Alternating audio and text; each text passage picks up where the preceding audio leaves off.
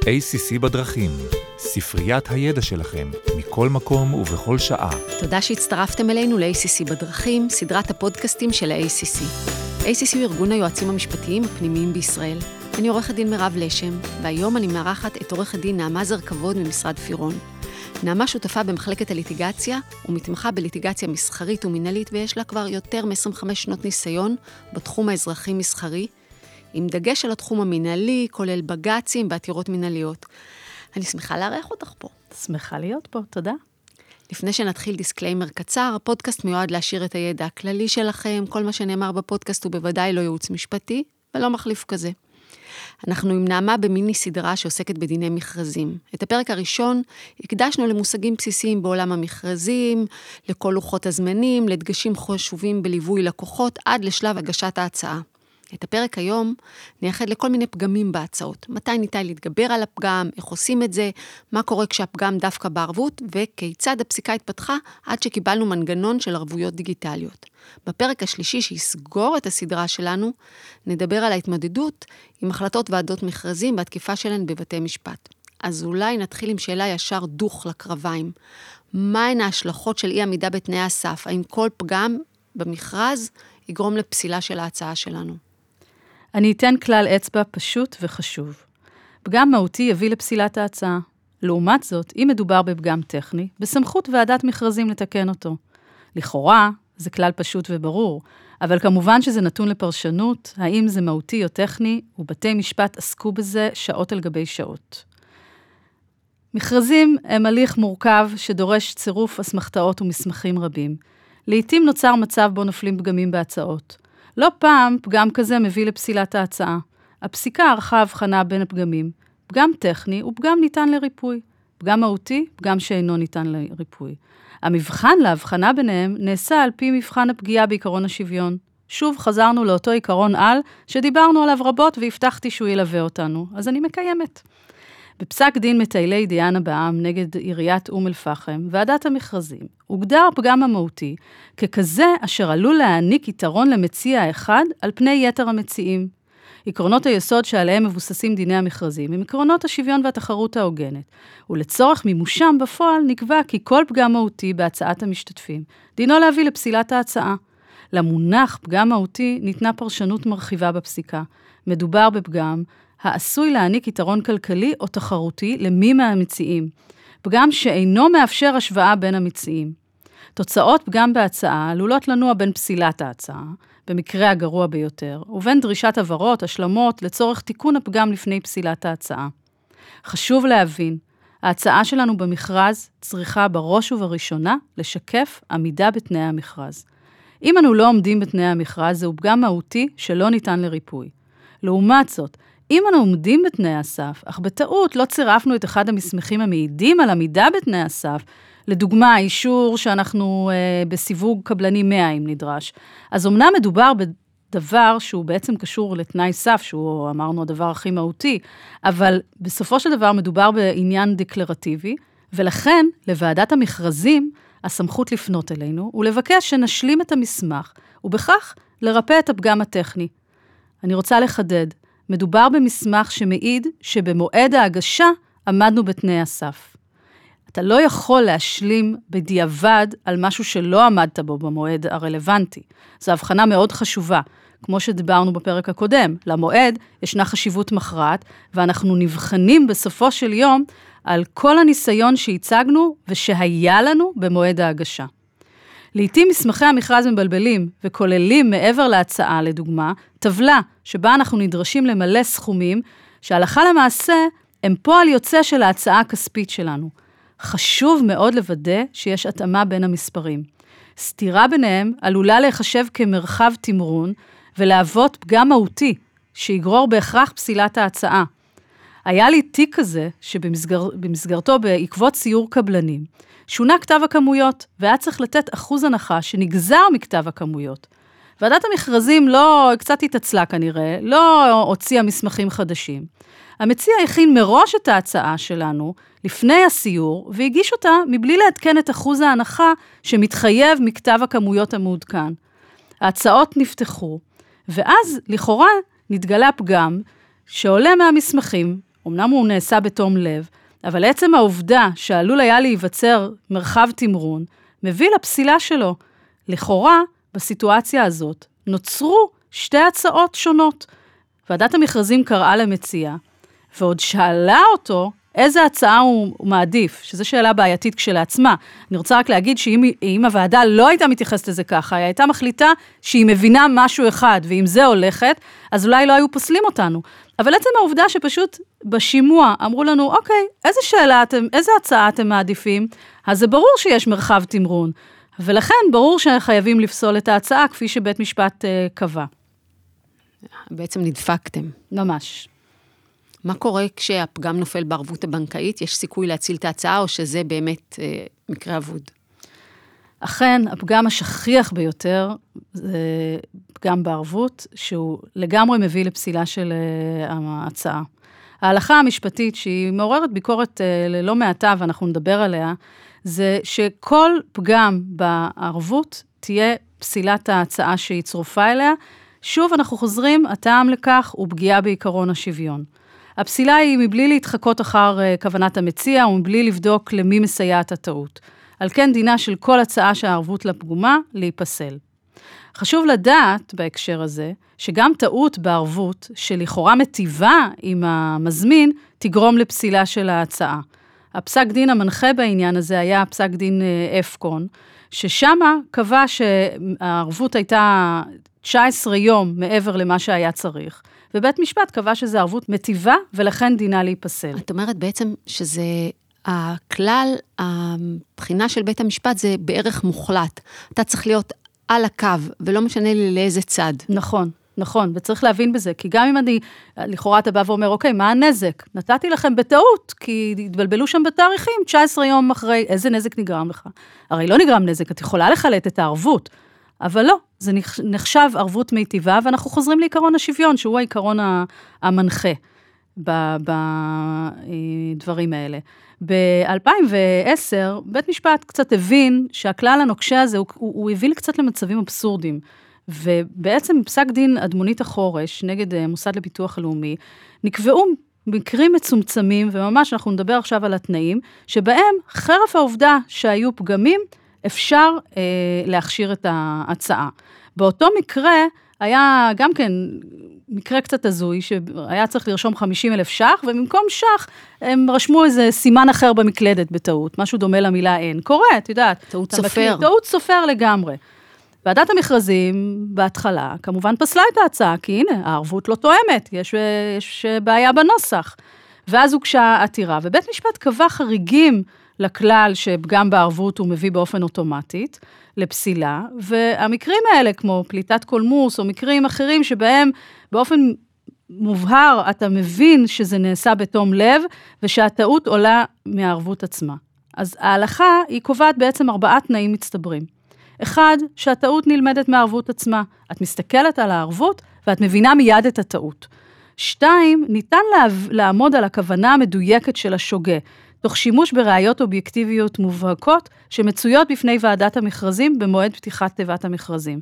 זאת אומרת, את מבינה מכוח ההצעה שלו מה גרם לו לטעות. זה לא שהוא ניסה פה לעשות איזה שיטת מצליח, להיטיב, לבוא לעשות איזה משהו לא סביר.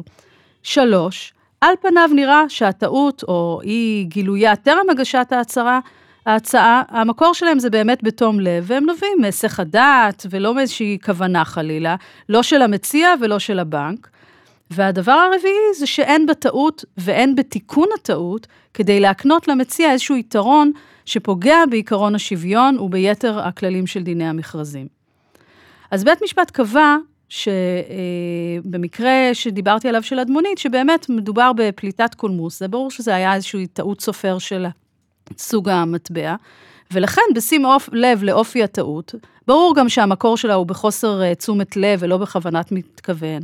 ברור שבתיקון שלה ובטעות עצמה אין כדי לפגוע בעיקרון השוויון, ולכן אין גם בערבות הפגומה כדי לפגוע ביכולת עורך המכרז לעמוד על חוסנה הכלכלית של המערערת, או על גמירות דעתה בהצעה. נוכח כל השיקולים האלה, נקבע שלא היה מקום לפסול את הצעת המערערת, וזוהי הלכה שהיא מחייבת והיא מנחה אותנו. יכול, אנחנו יכולים לראות דוגמאות מפני פסקי דין נוספים, היה פסק דין לדוגמה, שבתנאי המכרז היה צריך להגיש ערבות של 50 אלף שקל, ובתנאי המכרז היה רשום שלא נדרש שהסכום יישא הפרשי הצמדה. בכתב הערבות של העותרת, צוין לאחר סכום הערבות, הוסיפו את המילים, אשר יהיה צמוד בהתאם לתנאי ההצמדה המפורטים בסעיף 2. אבל בסעיף 2 היה רשום שאין הצמדה. אז בהתחלה, שוב, רצו לפסול את ההצעה, כי אמרו, רגע, זה לא תואם, זה לא מילה במילה אותו דבר כמו הנוסח של הערבות. מצד שני, בית משפט קצת uh, שם לב לעניין, והוא קבע שזה בדיוק החריג שבחריגים, שבהם ניתן לראות שהפגם הוא למעשה פגם טכני, שאין בו כדי להביא לפסילה, כי לא חסר... נגרם uh, שום נזק. חסר משמעות כלכלית. נכון. זה, זה פשוט טכני. היה מקרה נוסף, שבו uh, המציע הגיש ערבות בנקאית שהיא גבוהה ב-82 ש"ח מהסכום הנכון. כי הם לא ידעו על המושג בכלל ערבות uh, מיטיבה, וזה באמת היה בתום לב. היא פשוט, אותה פקידה שטיפלה בזה, היא החליטה לעגל את הסכום כלפי מעלה, כי היה נראה לה לא הגיוני לרשום את הסכום של ה... אה, שמה שהיה במכרז. וגם פה בית משפט אמר, אני, אני באמת מבין שלא אה, הייתה פה שום כוונה, שזה בתום לב, ועל סמך למעשה תנאי אה, פסק דין אדמונית, הוא החליט להכשיר את זה. כך שאנחנו רואים באמת אה, מקרים שבית משפט מגלה את הגמישות שהיא מתחייבת כדי לא לתקוע את, את... הכוונה היא בסופו של דבר לאפשר כמה שיותר מציעים, כמה שיותר משתתפים, ולא לתקוע בגלל דבר כזה או אחר. הייתה, היה פסיקה לדוגמה, שהערבות הייתה עד ה-30 ל-12, שזה יום שישי, ובפועל מציע אחד הגיש ערבות עד ה-31, שזה בכלל שבת. זה לא יום ערך. נכון, אז בשלב הראשון, ועדת מכרזים רואה דבר כזה. פוסלת. שוב, בית משפט פה, על סמך פסק דין אה, אדמונית, לשמחתנו הרבה, נותן את הגמישות, וקבע שאין לפסול את המקרה הזה. הוא אמר ככה, זה אפקון, אבל זה אדמונית. נכון, לגמרי, בדיוק, ממש אה, ציטוט אה, מדויק. אנחנו רואים שהפסיקה כן מנסה קצת לשנות את המגמה. היה פסק דין ב-2020 בעניין נטע, נתיבי תחבורה עירונים, ששם השופט גרוספוק ציין כי ספק בעיניו אם העמידה הדווקנית על תנאי הערבות השיגה את יעדיה, זה בדיוק מה שדיברנו. כי לא יכול להיות הרי שאנחנו נעמוד בצורה דווקנית, אבל אז אנחנו נחסום הרבה מאוד מציעים, רק כי נפלה טעות סופר. והוא הוא, הוא, הוא לגמרי אמר שההקפדה היתרה הרבתה מחלוקות בעניין הזה. אה, ולכן הוא הציע גישה מרוככת יותר. הוא בעצם מאמץ גישה שהשופט עמית עוד אה, בפסיקה אחרת הביא, שהיא מכונה הגישה התכליתית. זאת אומרת, אתה צריך באמת לראות מבחינה מהותית, ולא ללכת רק לקטע הדווקני, ולאזן בין תכלית של יצירת שוויון בין המציעים, לתכלית של היעילות. יש אה, עוד השלכות לגישה הזאת בנושא ערבויות, בעוד תנאים? אני חושבת שאחרי שבתי משפט התעסקו בזה כל כך הרבה, אז התחילו בעצם למצוא את הפתרון, והפתרון אה, לאחרונה אה, הוא בערבות דיגיטלית, שזה דבר נהדר. לאחרונה מתחוללת באמת ממש מהפכה של ממש בתחום הזה, שאני מאוד מקווה שהיא תוטמע, ואני חושבת שיהיו לה השליכות מרחיקות לכת. אה, וזה יהיה גם בפן של, את יודעת, שיפור תהליכי העבודה של משרדי הממשלה, ייעול העבודה בערבויות, אבל היא במיוחד חשובה כי היא עושה את ההבדל בין הצעה פסולה להצעה זוכה. לאור ההלכה הנוקשה ביחס לערבויות, אז חדר השימוש בערבות הדיגיטלית למגזר הפרטי, כך שניתן לצפות שבעתיד נראה יותר ויותר עורכי מכרזים שמאפשרים ערבות דיגיטלית כחלופה לערבות בנקאית רגילה לשיקול דעת המציע, ואף מכרזים המאפשרים ערבות דיגיטלית בלבד. מסייעת לכך גם המדיניות של הבנקים שאימצו את הרעיון ומאפשרים להנפיק ערבות דיגיטלית בקלות, ללא הגעה לסניפים. אני יכולה להגיד שנניח אה, בנק הפועלים, בנק דיסקון, יש ממש מגמה כזאת ואנחנו מאוד מאוד מברכים על זה. החשב הכללי גיבש תקן להגשת ערבות, ערבויות דיגיטליות. יש החלטת ממשלה מ-2021, במסגרתה נקבע שיש לבצע מעבר הדרגתי לשימוש בערבויות דיגיטליות במשרדי ממשלה, שאמור להיות מושלם בימים האלה. רמ"י אמורים להצטרף לזה, והרבה מאוד משרדי ממשלה. אנחנו מקווים שזה גם יחלחל בחברות ממשלתיות. כרגע חברות ממשלתיות, הוראות התק"ם זה רק בגדר המלצה, אז הן לא מחויבות לזה, אבל ברגע שיבינו את היתרון הגדול, מה היתרון, אני לא אכנס כאן לכל התקן, ואפשר לראות את כל הפרטים באתר האינטרנט, אבל אחד הדברים החשובים, זה בעצם כשאתה מגיש את הערבות הדיגיטלית, אתה מגיש את זה כאילו ממוחשב, ואז המחשב עצמו מחזיר לך אם יש פגמים טכניים, שזה בדיוק מה שרצינו להגיע אליו. זאת אומרת, אתה מקבל דיפולט חזרה, ואז אתה יכול לתקן את זה, כי עוד לא הגשת. וזה בדיוק יחסוך את כל הפסיקה האינסופית בעניין. זה מקובל על עוד רשויות, על אה, שוק ההון, כאלה? כן, בהחלט. התקן גובש ביחד עם בנק ישראל, רשות שוק ההון, משרדי ממשלה נוספים, חברות ביטוח, ובאמת המטרה והכוונה, אני מקווה שזה יחלחל לשוק הפרטי לגמרי. אז אה, התעכבנו הרבה על תוכן הערבות, מה עם המועד? באופן עקרוני, כמו שהשתקף בפסיקה בצורה נחרצת ביותר, פגם בערבות ייחשב לפגם מהותי, גם ביחס לאיחור במסירת הערבות. שוב, אנחנו חוזרים למועדים. אני מתייחסת לאיחור, אז אני חוזרת לדוגמאות שנתנו בפרק הראשון, גם יום, אפילו מספר שעות, יהיה איחור.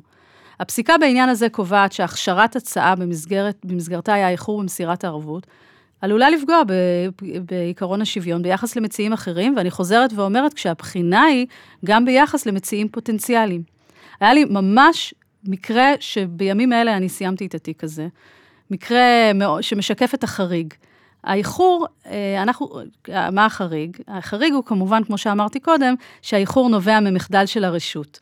ואז בתי משפט לא מתייחסים אליו בכלל כאיחור שמהווה פגם מהותי, אלא הם אומרים שבגלל שזה היה כתוצאה מאיזושהי התנהלות לא סבירה של הרשות, אז רואים בזה כאילו זה הוגש במועד. כמו שציינתי בפרק הראשון, מדובר בחריג מצומצם מאוד, שבמסגרתו עול ההוכחה על, עליך להוכיח ביתר שאת את המחדל של הרשות, ולהוכיח שבגלל הרשות לא יכולת להגיש את זה במועד. במקרה שסיפרתי עליו, שממש סיימתי אותו עכשיו, בית המשפט קבע שמחדל של הרשות הוא לדוגמה במקרה שעל פי מסמכי המכרז, הנך נדרש ללכת למשרדי הרשות ולקבל ממנה את נוסח הערבות, והנוסח שצורף למכרז אינו מפורט מספיק. לדוגמה, שם לא היה אה, איזה הצמדה צריך לעשות, איזה מדד חל וכדומה. גם הסכום לא היה מספיק ברור.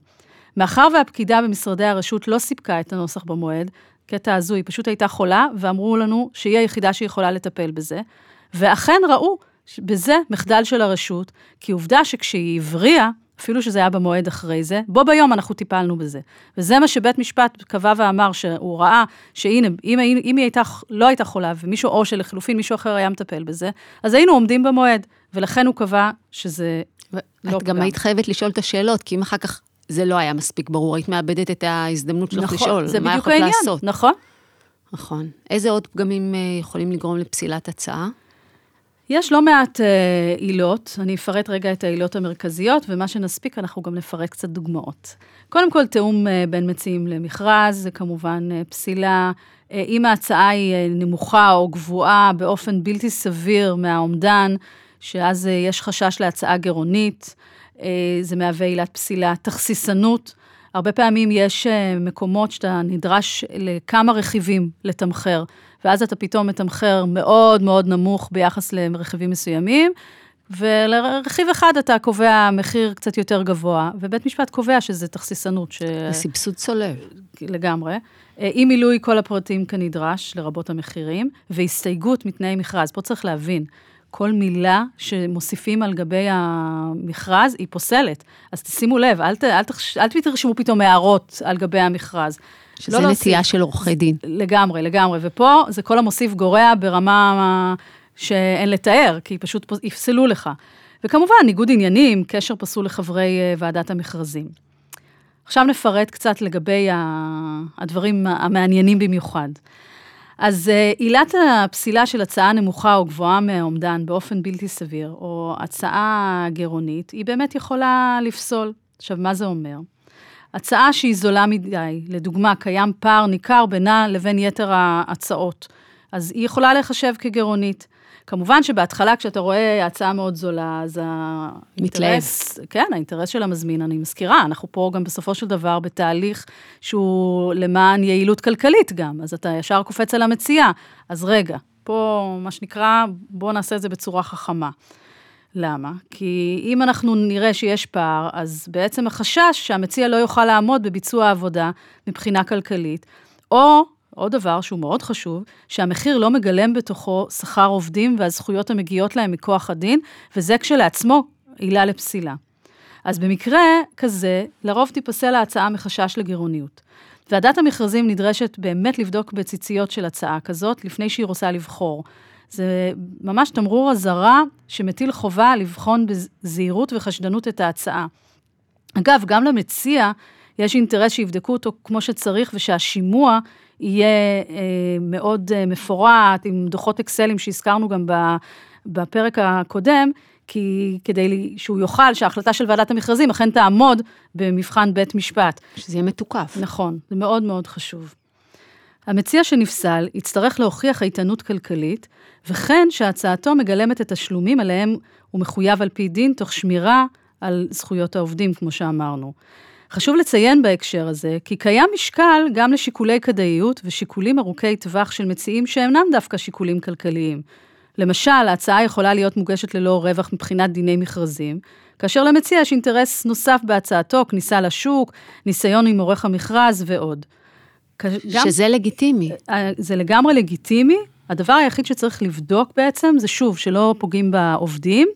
ולבדוק שהוא אכן, מה שנקרא, להסתכל לו בלבן של העיניים, ולוודא שהוא עומד. הוא מבין. שהוא מבין את כל פרטי ההצעה, שהוא עומד מאחוריה, ושיש לו איתנות פיננסית, שזה מה שמעניין את הוועדה. שהיא לא חלילה פתאום באמצע, הוא יפסיק ויגיד, אה, בעצם לא ממש הבנתי, חשבתי שזה משהו אחר. לכן השימוע הוא, הוא שימוע קריטי. מהותי. הוא, הוא, הוא מהותי וקריטי. אמ, דיברנו גם על הצעה שחורגת מאומדן, שזה גם אה, בעצם אה, עלול, עלולים לפסול אותה. כל הנושא של אומדן הוא, הוא הערכה כללית של עורך מכרז, לא תמיד יש אומדנים, אוקיי? זה שיקול דעת של הוועדה, אם היא רוצה אה, לערוך מכרז עם אומדן או בלי אומדן. אם עושים עם אומדן, אז האומדן אה, נערך על ידי גורם מקצועי שהוסמך על ידי ועדת המכרזים, האומדן במקרה כזה מופקד בתיבת המכרזים טרם המועד האחרון להגשת ההצעות ונשמר בתיבה עד לפתיחתה. עורך המכרז שמבקש להיעזר במכרז, הוא מחויב בעצם להתייחס במסגרת המכרז, במסגרת המסמכים לעצם קיומו של האומדן, וגם לנפקויות. זאת אומרת, בדרך כלל אנחנו נראה במכרזים כאלה סעיפים שאומרים סטייה מעל, לדוגמה, 20 אחוז, אז לוועדת המכרזים יהיה שיקול דעת, בדרך כלל ועדות מכרזים מותירות לעצמם שיקול דעת האם לפסול או לא. זאת אומרת, זה לא שצילה אוטומטית, אבל זה איזושהי אינדיקציה, אז זה גם חשוב uh, לשים לב. כמובן שהוועדה נדרשת uh, גם פה uh, לפתוח את זה ולציין את זה בפרוטוקול מסודר, והרבה פעמים באמת מנסים לתקוף גם את האומדן, מאוד קשה לתקוף uh, אומדן, זה אני כבר אומרת, אבל גם את הפסילה על uh, סמך חריגה מאובדן. אז כמה ככה נסכם את כל מה שאמרנו. צידה לדרך. כן. אז כמו שאמרנו, חשוב מאוד, ראשית, לוודא עמידה בתנאי סף. אי עמידה תחשב לפגם מהותי שפוסל את ההצעה. לעומת זאת, אם בטעות לא צירפתם מסמך, אפילו אם הוא קשור לתנאי הסף, מדובר בפגם טכני ותתעקשו על סמכות הוועדה לתת לכם לתקן את הפגם. כשאתם מתקנים את הפגם, תשימו לב לא להוסיף מסמכים שלא הגשתם להצעה המקורית, כי זה גם כשלעצמו עלול לפסול, ולהוסיף מסמכים שמעידים שבמועד ההגשה עמדתם בתנאי הסף. פגם טכני ייחשב גם טעות סופר או טעות חשבונאית שנגלית לעין, שממבט אחד במסמך ניתן להבין את הטעות ולכן יש סמכות לתקן אותה. שימו לב במכרזים שמצורפים גם טופס הצעת מחיר וגם טבלאות, שיש אחידות בין הדברים, כי פה לא תתקבל בנקל טענה של טעות חשבונאית, ועלולים בהחלט לראות בזה פגם מהותי, מאחר וקיים חשש למרחב תמרון. חוזרת ואומרת, תקינות של ערבות בנקאית חשובה במעלה. נכון שיש מגמת הקלה מסוימת ואיזשהו שיפור, אבל עדיין הכלל הקובע שטעות בערבות מהווה פגם מהותי שעלול בהחלט לגרום לפסילה, ורק במקרים חריגים ולפי המבחנים שדיברנו עליהם מפסק דין אדמונית, נצליח בעצם לרפא את הפגם. חריג נוסף שאני מזכירה אותו, אם אנחנו מוכיחים שמחדל של הרשות הוא זה שגרם לפגם בהגשה. ההצעה עצמה צריך להיות מוכנים מראש עם הצעה מבוססת, לשים לב לסכום ההצעה, שהסכום אינו נמוך מדי ולא עלול לחשב כהצעה גירעונית, שתביא בסופו של יום לפסילתה. הלקוח צריך להיות מודע לכך שהצעתו צריכה לכלול בתוכה את הסכומים שיש לשלם על פי דיני עבודה, ולפחות לגבי רווח להראות איזושהי דלתא מעל השכר אה, של דיני העבודה, וכמובן, להראות איתנות פיננסית שמעידה על יכולות ביצוע העבודה, וככל שאתה מוזמן לשימוע בהקשר של אה, חריגה, של חשש לגירעוניות, אז להראות שיש לך אינטרס אחר שגובר על כך שההצעה לא משקפת רווח גדול. ככל שהוזמנתם לשימוע לפני פסילה, תתעקשו שהשימוע יהיה פרונטלי. לפעמים מנסים לעשות שימועים בכתב. ובכל זאת, בפרונטלי אנחנו מצליחים להעביר את המסר בצורה יותר ברורה. תבואו עם, uh, מוכנים, עם נתונים ברורים, תוודאו היטב שהדברים נרשמו בפרוטוקול, ותזכרו שככל שההליך מסודר יותר וברור יותר, יהיה לבית משפט קשה יותר להתערב בהחלטה של ועדת מכרזים, שעל זה אנחנו נרחיב בפרק הבא. נתת לנו סל מלא של עצות. Uh, תודה רבה, אני מחכה להיפגש איתך שוב בפודקאסט הבא, שיסיים את הסדרה הנהדרת שלנו, ושאותו נקדיש להתמודדות עם החלטות ועדות מכרזים ועל אפשרויות התקיפה שלהן בבית המשפט. יישארו במתח. תודה רבה, מירב.